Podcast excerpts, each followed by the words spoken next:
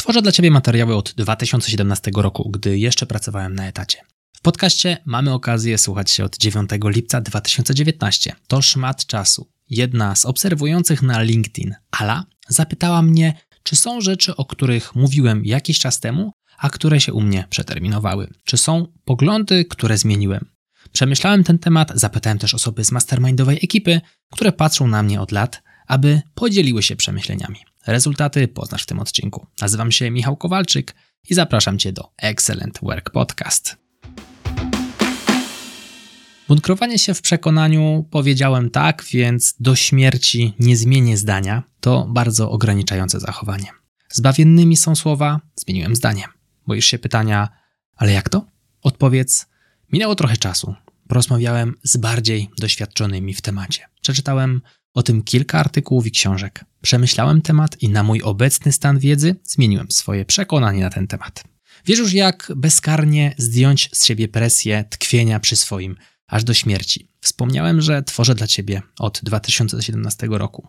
Gdy nagrywam odcinek, mamy wrzesień 2022. Wsiądźmy na chwilę do wehikułu czasu i przenieśmy się do pierwszych dni istnienia projektu Excellent Work.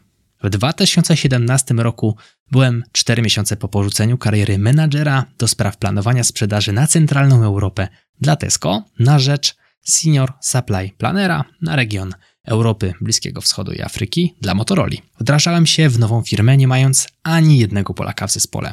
Czułem się bardzo niepewnie z językiem angielskim, a do tego po godzinach budowałem fanpage Excellent Work, który nie był jeszcze wtedy publiczny. Spędzałem półtorej godziny dziennie w aucie, słuchając książek i podcastów. Resztę w pracy kiedyś oczywiście dało słuchać. Byłem rok z małym ogonkiem po ślubie. Żona natomiast była już w drugim miesiącu ciąży. Mieszkaliśmy u teściów. Tworzyłem w zapomnianym przez nich pokoju graciarni. To było jedyne wolne pomieszczenie w ich domu, gdzie mogłem mieć coś w charakterze namiastki biura. Zarabiałem jakieś 6200 miesięcznie. W pierwszej pracy w korpo dostałem 2800. W dokładnie 19 miesięcy ponad podwoiłem tę kwotę. Jak to wygląda dziś? Nagrywam dla Ciebie ze studia wyposażonego pod korek tak, abyś otrzymywał materiały najwyższej jakości i regularnie. Studio mieści się w moim prywatnym domu.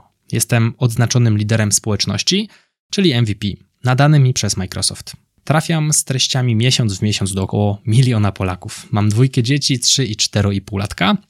I jak te dwa obrazy wpływają na wiedzę, którą ci przekazuję? Słuchając swoich materiałów sprzed lat, jestem z nimi w zgodzie. Dobrze słyszysz, tak.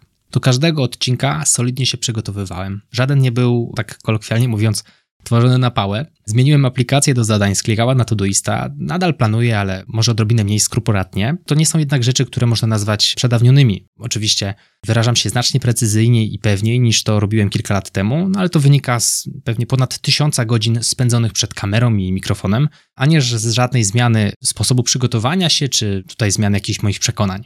Nie zmieniłem się jako człowiek. Uważam, że to jest swoją drogą bardzo duży sukces. Moimi głównymi i aktualnymi, bez względu na miejsce, w którym jestem, przekonaniami, oczywiście dotyczącymi bardziej tej strony rozwojowej, biznesowej, są, no i tutaj mam dla Ciebie przygotowaną listę. Po pierwsze, i w mojej ocenie chyba najważniejsze, nie oszukuję i nie okłamuję nikogo pod żadnym warunkiem. Maksymalne, co mogę zrobić, to zmienić temat albo uniknąć odpowiedzi. I tutaj uwaga, według niektórych klasyfikacji jest to traktowane jako kłamstwo, według mojego sumienia nie jest. Kolejny punkt. Ludzie z natury chcą dobrze dla innych. Bardzo w to wierzę. Ufam im, ale czasem sprawdzam. Mają moje zaufanie do pierwszego kłamstwa, a później trafiają na czarną listę w mojej głowie.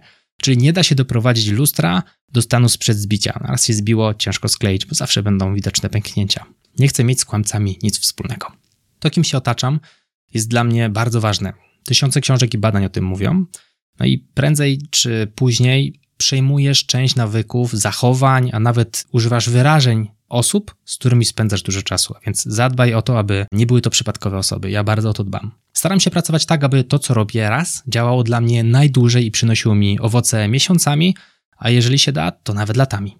Jeśli robię coś więcej niż raz, zastanawiam się, czy muszę to robić w ten sposób, w który teraz się to dzieje. Jeżeli tak, to czy mogę zapiąć do tego w jakiś sposób automatyzację?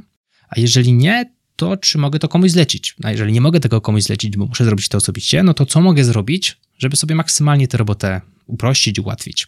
Dotyczy to nie tylko Excela czy pracy przed komputerem, ale każdej czynności, którą wykonuję, bo trzeba ją wykonać, a nie bo po prostu mam teraz ochotę ją robić. I mam tutaj na myśli na przykład rzeczy związane z nie wiem, remontami w domu, prowadzeniem tego domu. Przede wszystkim sprawiam też, że rzeczy się dzieją i potrafię doprowadzać sprawy do końca. Mam takie przekonanie i wierzę mocno, że tak jest. Ufam sobie w pracy i w życiu. By się nie działo, wierzę, że sobie poradzę. Może być ultra ciężko, ultra pod górkę z czasami dniami, czasami tygodniami, czasami miesiącami, ale w końcu będzie dobrze. Jeśli nie jest, to znaczy, że jeszcze nie koniec. Nie lubię wysokiego stopnia ryzyka, a więc tutaj jakieś lewarowanie swoich działań, nie wiem, nawet inwestycyjnych kredytami, to kompletnie dla mnie odpada. Nie czułbym się z tym dobrze. No i najpierw zarabiam, a potem wydaję, czyli nie żyję ponad stan, nie przejadam 100% zarobków, trzymam koszty mniej więcej na podobnym poziomie, bez względu na to, ile zarabiam.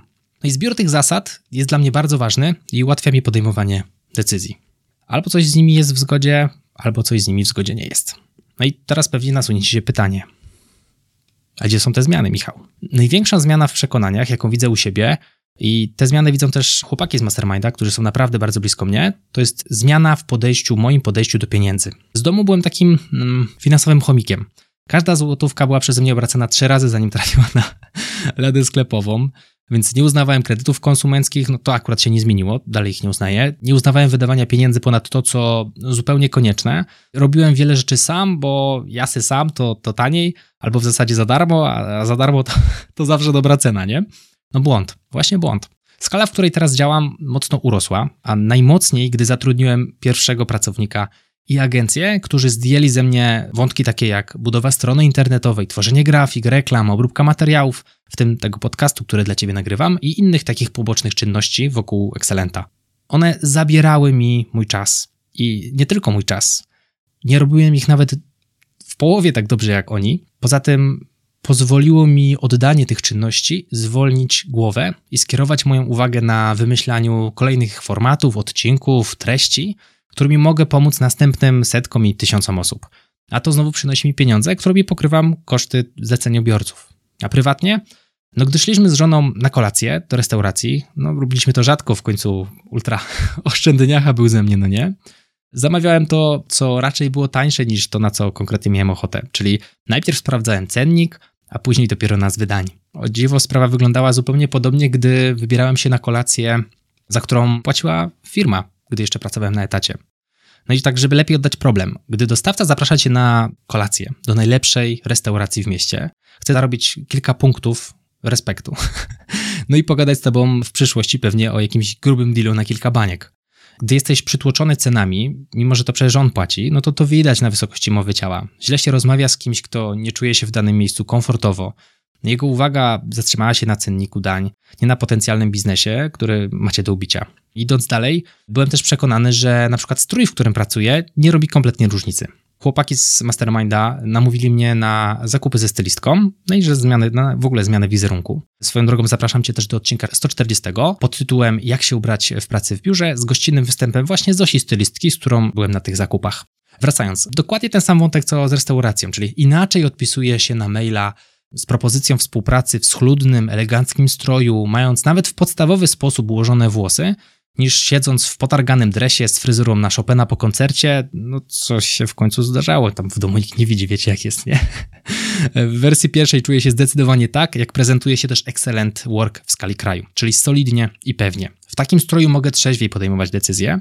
W dresie częściej zgadzałem się na coś, czego tak gdzieś głęboko w środku nie chciałem. Zrozumiałem, że kasa jest środkiem, a nie celem samym w sobie, czyli ma służyć mnie, a nie ja jej. No i tutaj też ważna gwiazdka. Jeżeli mamy oś, gdzie na maksa w lewo jest dusi grosz, a na maksa w prawo jest bardzo rozrzutny gość, cały zabieg zmiany przekonań zbliżył mnie bardziej z lewej strony tego dusi grosza do środka, czyli powiedzmy do takiego w miarę zdrowego stanu rzeczy. I teraz nie zachęcam cię teraz do tego, abyś puścił finansowe wodze i wyzerował oszczędności, czy nawet zszedł pod krechę. Zastanów się, jakie jest twoje podejście do pieniędzy? Gdzie na tej osi umieścisz swoją osobę? Gdzie umieszczą cię na niej twoi bliscy? Zapytaj ich. Przeczytaj też koniecznie jedną z najczęściej polecanych mi książek w tym temacie, czyli Psychologia pieniędzy, ponadczasowe lekcje o bogactwie, chciwości i szczęściu autorstwa Hausela Morgana. To jest książka w moim top 10 wszystkich przeczytanych, przeczytałem ponad 100. Być może są przekonania, którym hołdujesz, a już ci nie służą. Niekoniecznie muszą one dotyczyć pieniędzy. To są słowa, które często powtarza mój przyjaciel Wojtek Bizów. Zastanów się, które z nich cię wspierają, a które cię ograniczają. A jeżeli podobał ci się ten odcinek, wyślij go proszę jednej osobie. To był Excellent Work Podcast. Mówił do ciebie Michał Kowalczyk. Do zobaczenia i do usłyszenia w kolejnym odcinku. Trzymaj się, hej.